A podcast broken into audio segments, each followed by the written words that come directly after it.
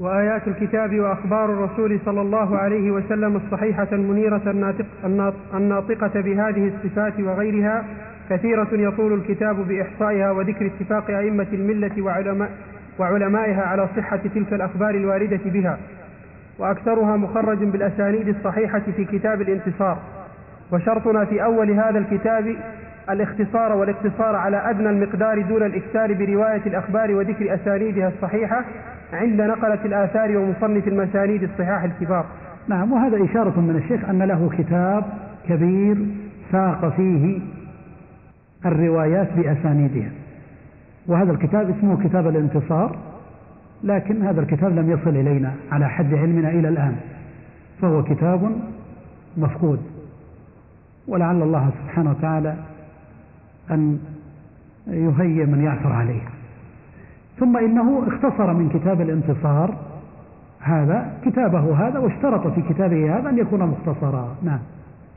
قال الشيخ أبو عثمان ويشهد أصحاب الحديث ويعتقدون أن القرآن كلام الله وكتابه وخطابه ووحيه وتنزيله غير, غير مخلوق. ومن قال بخلقه واعتقده فهو كافر عندهم. والقرآن الذي هو كلام الله ووحيه هو الذي هو الذي ينزل به جبريل على الرسول صلى الله عليه وسلم. نزل نزل. هو الذي نزل. نزل نعم هو الذي نزل به جبريل. نعم. قرآنا عربيا لقوم يعلمون بشيرا ونذيرا كما قال عز من, عز من قائل وإنه لتنزيل رب العالمين. نزل به الروح الأمين على قلبك لتكون من, من المنذرين بلسان عربي مبين. وهو الذي بلغه الرسول صلى الله عليه وسلم أمته كما أمر به في قوله تعالى يا أيها الرسول بلغ ما أنزل إليك من ربك فكان الذي بلغه تعالى كلامه عز وجل. وفيه قال صلى الله عليه وسلم أتمنعوني أن أبلغ كلام ربي؟ وهو الذي تحفظه الصدور وتتلوه الألسنة ويكتب في المصاحف كيفما كيفما كيفما تصرف بقراءة قارئ ولفظ لافظ وحفظ وحفظ وحفظ حافظ وحيث تلي وفي أي موضع قرئ أو كتب في مصاحف أهل الإسلام وألواح صبيانهم وغيرها كله كلام الله جل جلاله وهو القرآن بعينه الذي نقول أنه غير, غير مخلوق. فمن زعم أنه مخلوق فهو كافر بالله العظيم. طيب. بدأ الشيخ هنا يتحدث عن أولى قضية من القضايا الكبار التي نشأ بسببها الافتراق من من المسائل التي نشأ بسببها الافتراق في الأمة الإسلامية. ألا وهي مسألة كلام الله تعالى والقرآن العظيم. وهذه المسألة ذكر الشيخ رحمه الله تعالى اعتقاد أهل السنة والجماعة فيها واعتقادهم فيها كما ذكره أن القرآن كلام الله وكتاب الله ووحيه وتنزيله وأن من قال بخلق القرآن واعتقده أي اعتقد أن القرآن مخلوق فهو كافر عنده. وسيأتي بعد قليل إيضاح لهذه المسألة. لكن الشيخ هنا أيضا بين مجمل اعتقاد أهل السنة والجماعة في مسألة القرآن وهو أن هذا القرآن نزل به جبريل على محمد صلى الله عليه وسلم قرآنا عربيا بشيرا ونذيرا لقوم يعلمون كما ذكر الله سبحانه وتعالى في وصف هذا القرآن في مواضع كثيرة مثل قول الله تعالى مما استشهد به الشيخ وإنه لتنزيل رب العالمين نزل به الروح الأمين على قلبك لتكون من المنذرين بلسان عربي مبين. هذا القرآن العظيم نزل به جبريل على قلب محمد صلى الله عليه وسلم. فالله تبارك وتعالى أوحاه إلى جبريل. وجبريل أوحاه إلى محمد عليه الصلاة والسلام. خلافا لمن زعم أن القرآن مخلوق. لأن هذا هو معنى قول المبتدعة إن القرآن مخلوق. يزعمون أن هذا القرآن شيء مخلوق خلقه الله مثل ما خلق السماء أو الأرض أو غير ذلك. ونحن نقول لا. القرآن الكريم هو كلام الله. فالله سبحانه وتعالى من صفات كماله أنه يتكلم إذا شاء متى شاء ومما تكلم به من كتبه هذا القرآن. فنقول هذا القرآن هو كلام الله. ثم إن هذا القرآن لما تكلم الله به وأوحاه إلى جبريل كتب في اللوح المحفوظ. وأيضا أوحي إلى محمد صلى الله عليه وسلم. ومحمد صلى الله عليه وسلم بلغه أمته. ثم صار هذا القرآن العظيم محفوظا في الصدور. متلوا في الألسنة. مكتوبا في السطور وفي المصاحف. سواء كتب كاملا أو كتبه الصبيان في ألواحهم. كل هذا وكيفما تصرف وكيفما تلاه التالي فهو كلام الله تبارك وتعالى. ولا بد أن نفهم هذا لأنه سيأتينا بعد قليل الكلام حول اللفظ وما ثار فيه من إشكال. إذا هذا القرآن هو كلام الله. لأن الكلام هو من تكلم به مبتدئا. فنحن مثلا حينما نسمع الإمام يقرأ القرآن أو القارئ يقرأ القرآن نقول قرأ فلان. لكن هذا الذي قرأه ما هو؟ هو كلام الله سبحانه وتعالى. ولهذا لما ظل المعتزلة والأشاعرة وغيرهم في هذا الباب انحرفوا انحرافات خطيرة. فجاءت المعتزلة مثلا وقالوا لا القرآن هذا مخلوق كغيره من المخلوقات. لماذا؟ قالوا لأنه لا ينفصل عن الله إلا ما هو مخلوق. فجعلوا القرآن كغيره من المخلوق. ثم جاء مثلا الأشاعرة والكلابية وغيرهم من أهل البدع فقالوا الكلام أصلا إنما يقوم بالله وهو الكلام النفسي فلا ينفصل عن الله أبدا. ثم أدى بهم انحرافهم إلى أن يقول بعضهم إن القرآن هو كلام الله لكن الألفاظ هي ألفاظ جبريل أو ألفاظ محمد. وهذا كله بسبب الضلال في هذا الباب. وأهل السنة والجماعة يقولون هذا القرآن هو كلام الله كيفما تصرف. فهو كلام الله تبارك وتعالى وهذا الذي ذكره الشيخ هنا مفصلا. ولبيان هذا الأمر فإن الشيخ رحمه الله تعالى قال كيفما تصرف بقراءة قارئ ولفظ لافظ وحفظ حافظ؟ لفظ بالقرآن قرأ آية تلفظ بها؟ هو كلام الله. حفظها في صدره المحفوظ في الصدور هو كلام الله. تلاه المتلو هو كلام الله سبحانه وتعالى. كتب في المصاحف في السطور في الألواح في غيرها هو كلام الله سبحانه وتعالى. كيفما تصرف. نعم. هنا أورد حديثا عن رسول الله صلى الله عليه وسلم أنه صلى الله عليه وسلم كان يدعو إلى الإسلام في أيام المواسم وكان يدعو الناس إلى اتباعه وكان مما يقوله صلى الله عليه وسلم فإن قريشا منعوني أن أبلغ كلام ربي. وهذا رواه البخاري في خلق أفعال العباد كتاب مستقل غير الصحيح ورواه عنه الترمذي وأيضا أبو داود والدارمي وابن ماجه وغيرهم وإسناده صحيح. أن النبي صلى الله عليه وسلم كان يقول إن قريشا منعوني أن أبلغ كلام ربي. فهذا يدل على إثبات أن هذا الكلام الذي كان يتلوه صلى الله عليه وسلم هو كلام الله سبحانه وتعالى. نعم.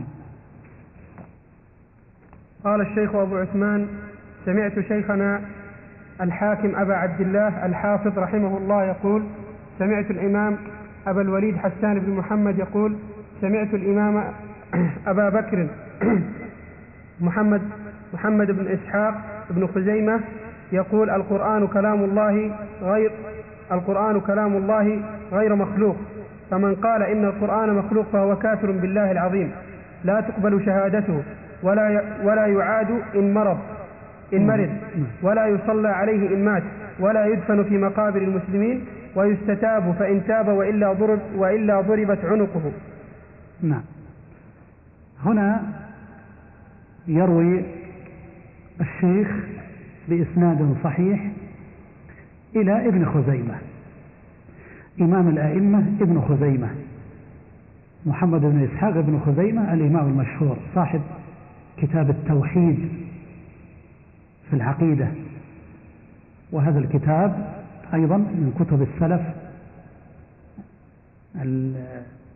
الكبيرة التي ساق فيها ما يتعلق بالأحاديث بأسانيده وهو كتاب مطبوع قديما وحقق أيضا تحقيقا جيدا حققه الدكتور عبد العزيز الشهوان وهو مطبوع أقصد المحقق في مجلدين.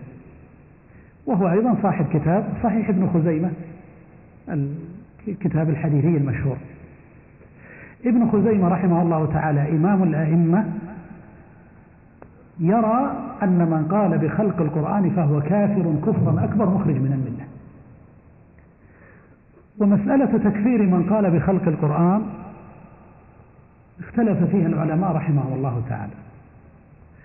فجمهرة من علماء السلف كابن خزيمة وغيره يرون أن من قال بخلق القرآن فهو كافر.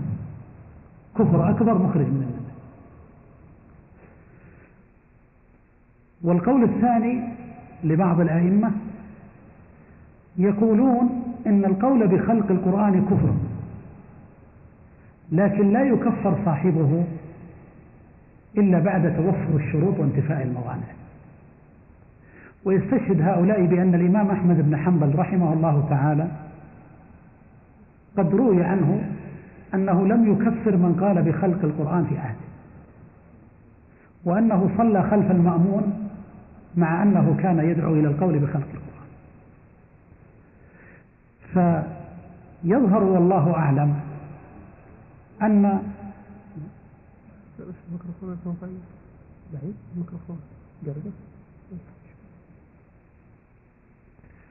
فيشبه والله أعلم أن القول في هذه المسألة بالنسبة لأئمة السلف رحمهم الله تعالى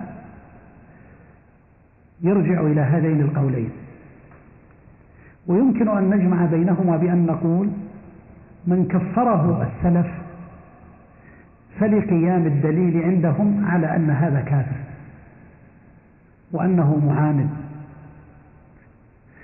ومن لم يكفروه فلوجود موانع.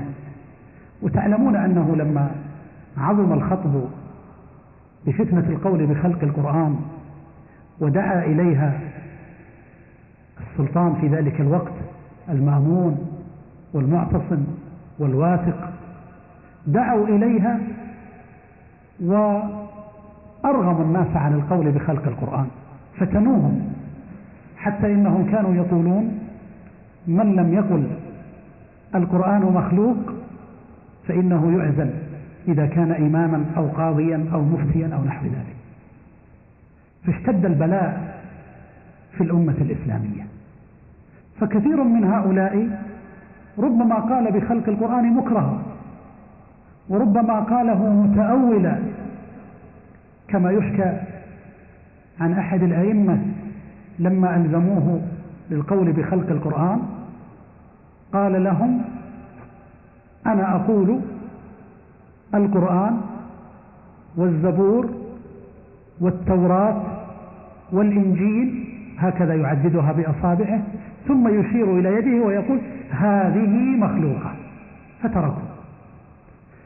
فهو يوري هنا بأنه قصد يده مخلوقة. وهم فهموا منه أنه يقول بقوله. وبعضهم قالها مكرها لهذا فلم يعمم كثير من علماء السلف التكفير لمن قال بخلق القرآن. ومن كفروه فلربما كفروه لوجود الدليل المقتضي وعدم المانع لكفر مثل هؤلاء. ولا شك أنه كان في من يقول في من يقول بخلق القرآن كان هناك زنادقة. كان هناك زنادقة كفار. هذا هو المنهج الصحيح في هذه المسألة. والله أعلم. نعم. قال الشيخ أبو عثمان فأما اللفظ بالقرآن فإن الشيخ أبا بكر الإسماعيلي الجرجاني رحمه الله ذكر في رسالته التي صنفها لأهل, جي لأهل جيلان قال فيها أن من زعم أن لفظه بالقرآن مخلوق يريد به القرآن فقد قال بخلق القرآن.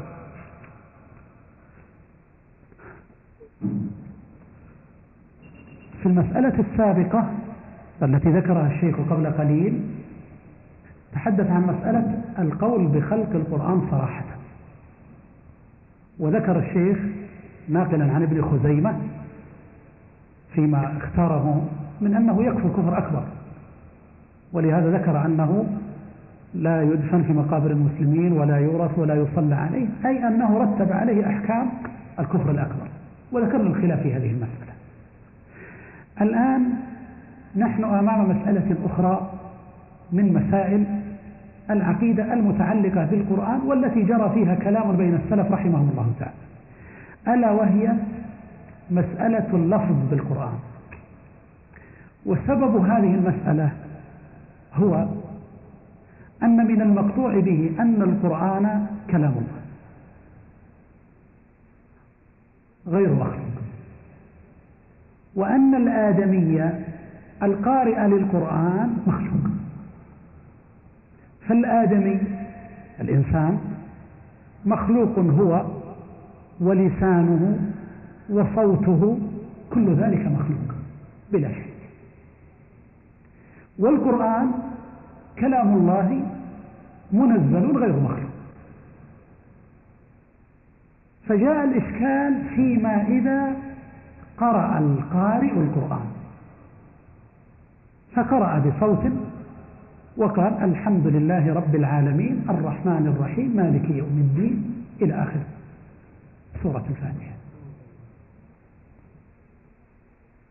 فكيف نقول هنا؟ هل نقول هذه القراءة هي كلام الله كله؟ فتشمل القرآن وتشمل صوت القارئ؟ ومن ثم فنقول غير مخلوق. أو نقول هي مخلوقة لأن صوت القارئ مخلوق. فنشأت مسألة اللفظ. مسألة اللفظ.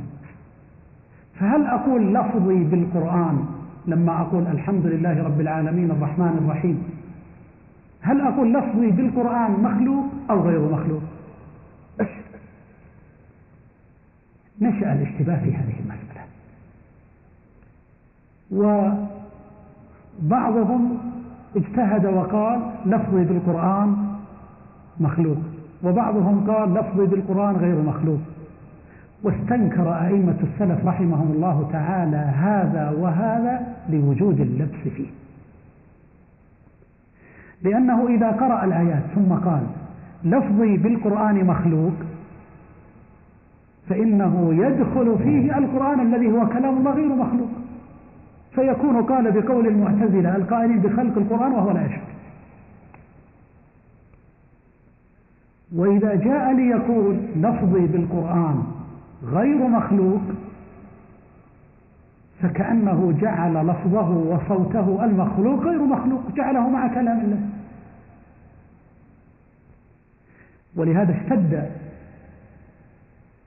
النكير من أئمة السلف رحمهم الله تعالى على هذا وسموهم اللفظية حتى إن بعضهم قالوا اللفظية جهمية لأنه إذا قال لفظي بالقرآن مخلوق أدخل فيه القرآن فكان قوله كقول المعتزلة حتى سواء بسواء أي أنه ينتهي إلى قول المعتزلة.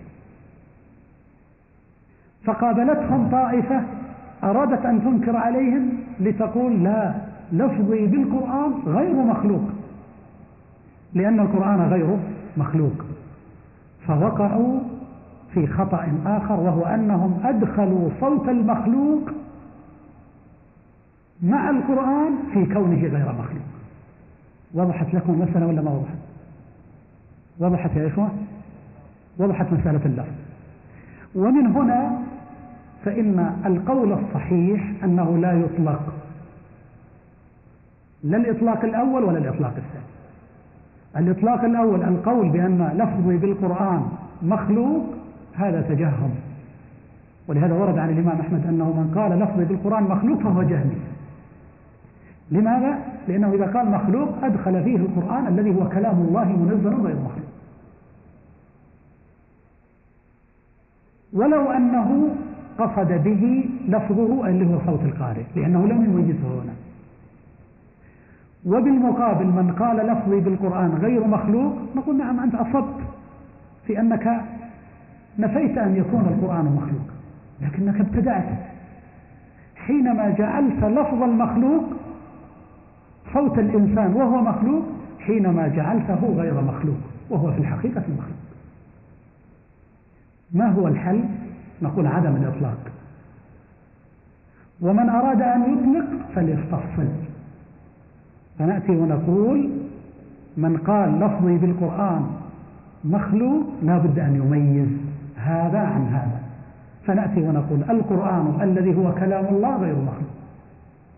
والصوت الذي هو صوت المخلوق أو صوت العبد هذا مخلوق. فنميز عن هذا وهذا. فنميز هذا عن هذا ليتبين الحق في هذه المسألة نعم.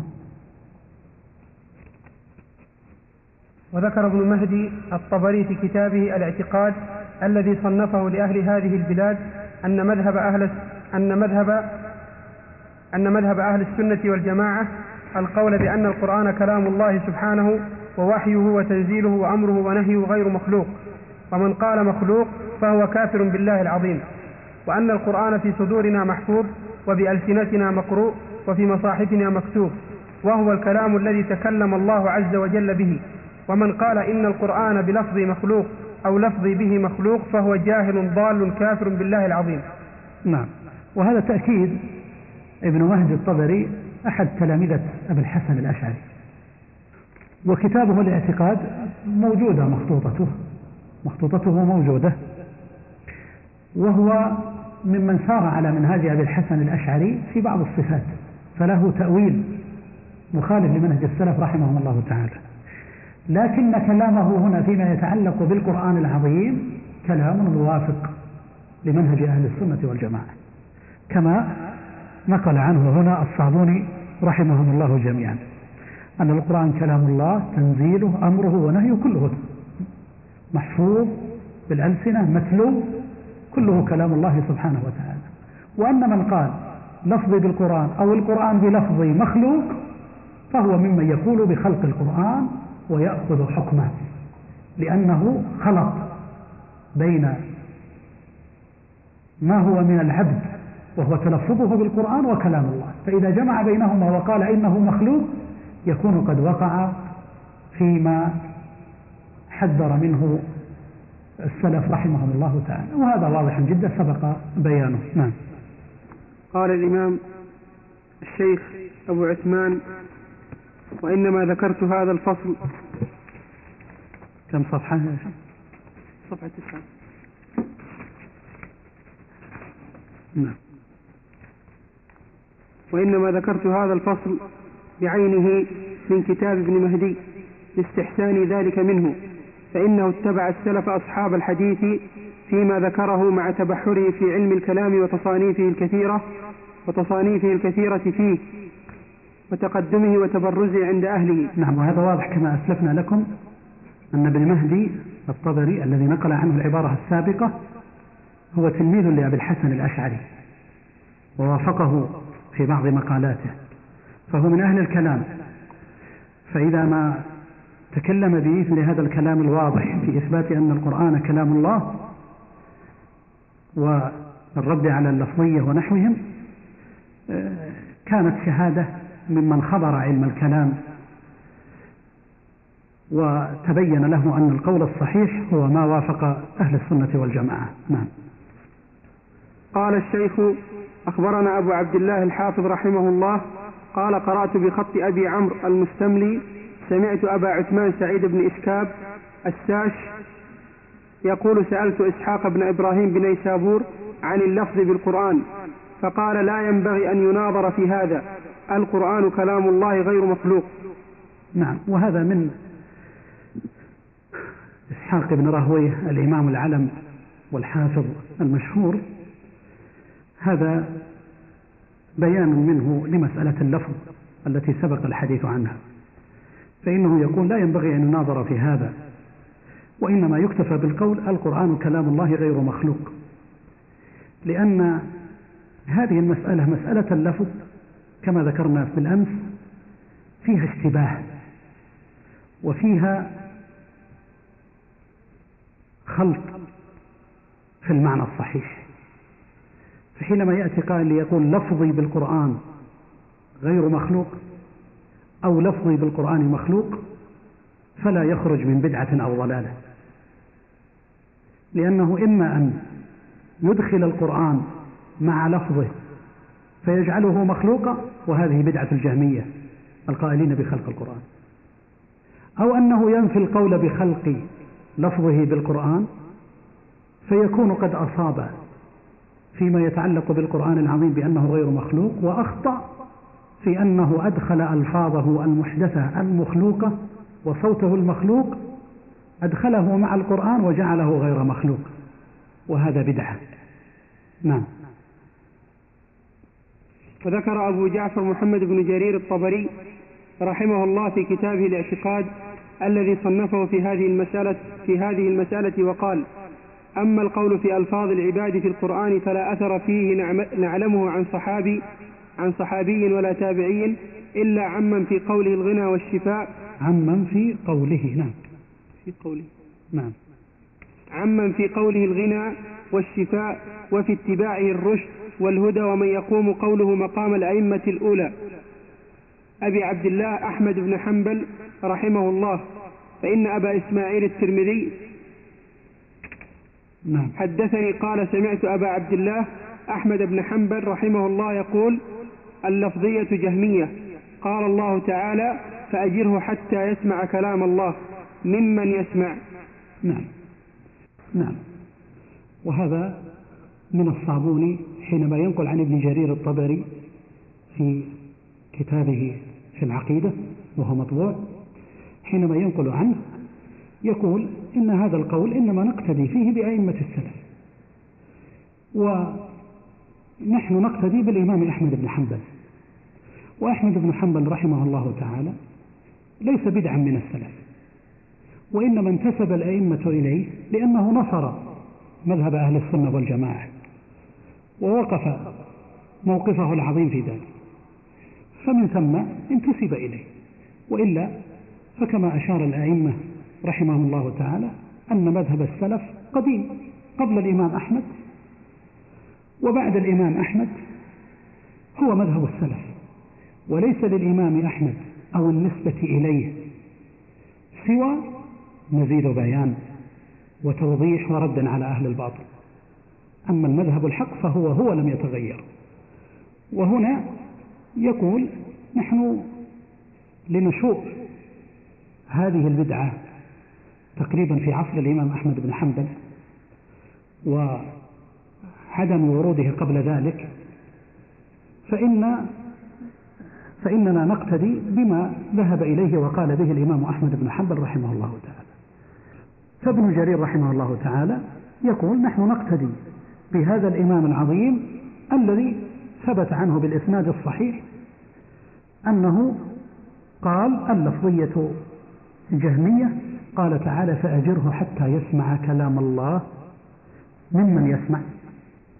يسمع كلام الله. فإذا قال لفظي بالقرآن مخلوق أو قال لفظي بالقرآن غير مخلوق فكل واحد من هؤلاء إما مبتدع أو متجهم نعم.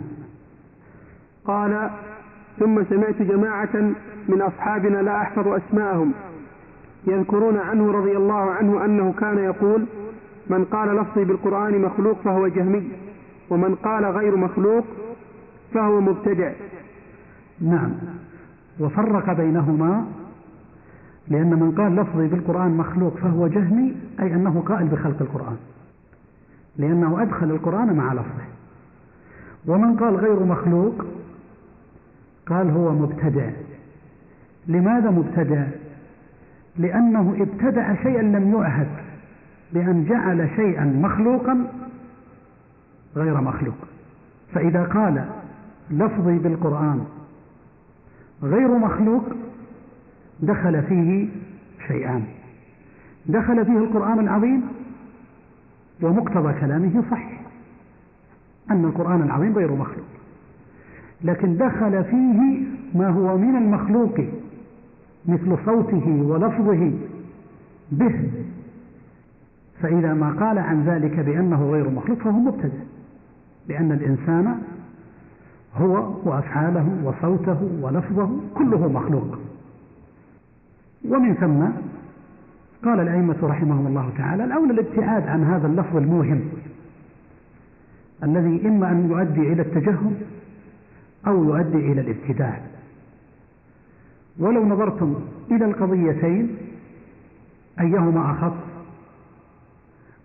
من قال لفظي بالقرآن مخلوق أو من قال لفظي بالقرآن غير مخلوق؟ الأولى أو الثانية؟ الثانية أخف. الثانية أخف. الأولى تجهم وقول بخلق القرآن. أما الثانية ففيها بدعة بأن أدخل ما, ما هو مخلوق وقال عنه إنه غير مخلوق. وهو لفظ الإنسان وصوته بالقراءة. نعم. تفضل. قال محمد بن جرير ولا قول في ذلك عندنا عندنا يجوز أن نقول أن نقوله غير قوله إذا إذا إذ لم يكن لنا فيه إمام نأتم به سواك وفيه الكفاية والمقنع. وهو الإمام المتبع رحمه الله عليه عليه رحمة الله. رحمة الله عليه ورضوانه عليه. ورضوانه يكفي. رحمة الله عليه ورضوانه. نعم. أكمل. هذه ألفاظ محمد بن جرير التي نقلتها التي نقلتها نفس نفسها نفسها نعم. نفسها نفسها إلى ما هنا إلى ما ها هنا من كتاب الاعتقاد الذي صنفه. نعم وهو مطبوع نعم. قلت وهو أعني محمد بن جرير رحمه الله قد نفى عن نفسه بهذا الفصل الذي ذكره في كتابه كل, كل ما نسب إليه وقذف به من عدول عن سبيل عن سبيل السنة أو ميل إلى شيء من البدعة.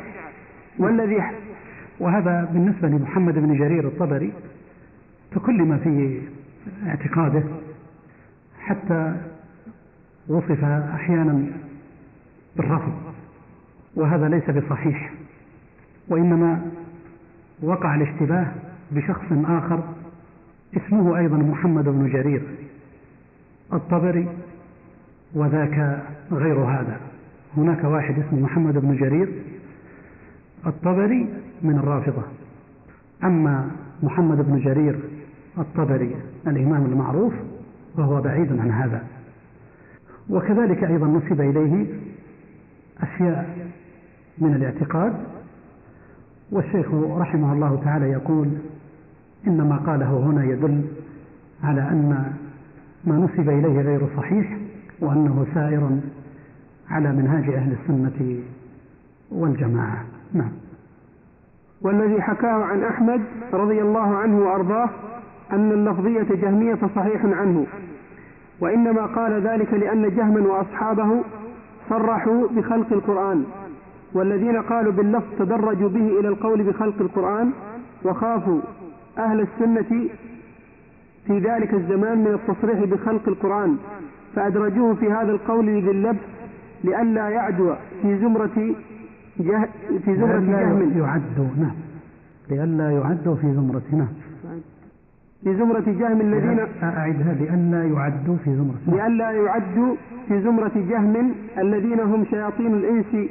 يوحي بعضهم إلى بعض زخرف القول غرورا فذكروا هذا اللفظ وأرادوا به أن القرآن بلفظنا مخلوق. فلذلك سماهم أحمد رحمه الله جهمية. وحكي عنه أيضا أنه قال اللفظية شر من الجهمية. نعم وهذا كله من باب التحذير من تلك المقالات التي دخل فيها بعض الجهمية إلى البدعة تلبيسا على الناس. لأن القول بخلق القرآن لما وقف الإمام أحمد منه ذلك الموقف صار عند عامة الناس أن من قال بخلق القرآن فهو جهمي معتزلي مبطل. ولما قويت شوكة أهل السنة والجماعة خاصة في زمن المتوكل الذي أحيا السنة وأمات البدعة وأبطل القول بخلق القرآن بعد ثلاثة من الخلفاء دعوا إلى ذلك وفتنوا الناس من أجله. لما قويت شوكة أهل السنة والجماعة انخنس أهل البدع فصاروا لا يستطيعون أن يتجرؤوا بتلك المقالة مباشرة فجاءت بدعة لفظية ليقول الواحد منهم لفظي بالقرآن غير مخلوق وفيه ما فيه كما سبق فالإمام أحمد بن حنبل يقول عنهم إنهم جهمية بل يقول عنهم إنهم شر من الجهمية من باب التحذير منهم. لأن العامة قد يخدعون بهم بخلاف مذهب الجهمية مباشرة فإنه لظهور بدعته لا يكاد يمر على أحد من الناس في الغالب. أما هذه المقالة اللفظية ففيها من الاشتباه والدليل على ذلك أن بعض أئمة السلف رحمهم الله تعالى ربما وردت عنهم ألفاظ وصار بينهم شيء من الإشكال. بسبب هذه الكلمة أي مسألة اللفظية اللفظ بالقرآن. حتى إن بعضهم تبرأ من بعض بسبب الخلط في فهم هذه المسألة. وجرى بينهم ما جرى. فدل ذلك على أن هؤلاء اللفظية ابتدأوها احتيالا على القول بخلق القرآن. والحق فيها ما ذكرناه تفصيلا بالأمس. نعم. وأما ما حكاه محمد بن جرير عن أحمد رحمه الله أن من قال لفظي بالقرآن غير مخلوق فهو مبتدع فإنما أراد به أن السلف الصالحين من أهل السنة لم يتكلموا في باب اللفظ ولم يحوجهم الحال إليه وإنما حدث الكلام في اللفظ من أهل التعمق وذوي الحمق الذين أتوا بالمحدثات وبحثوا عما عما نهوا عنه من الضلالات وذميم المقالات يعني في نسخة خطية وعتوا. أي تجاوزوا واستكبروا ولعلها أقرب إلى الصواب. نعم. وعتوا عما نهوا عنه. نعم. وعتوا عما نهوا عنه من الضلالات وذميم تجاوزوا الحد فيما نهوا عنه من الضلالات. نعم. عما نهوا عنه من الضلالات وذميم المقالات وخاضوا فيما لم يخض فيه السلف من علماء الإسلام. فقال الإمام أحمد هذا القول في نفسه بدعة ومن حق المتدين أن يدعه وكل بدعة مبتدعة ولا يتفوه به ولا بمثله من البدع المبتدعة المبتدعة. ويقتصر على ما قاله السلف المت... السلف المتبعة أن السلف هنا في كلمة ساقطة.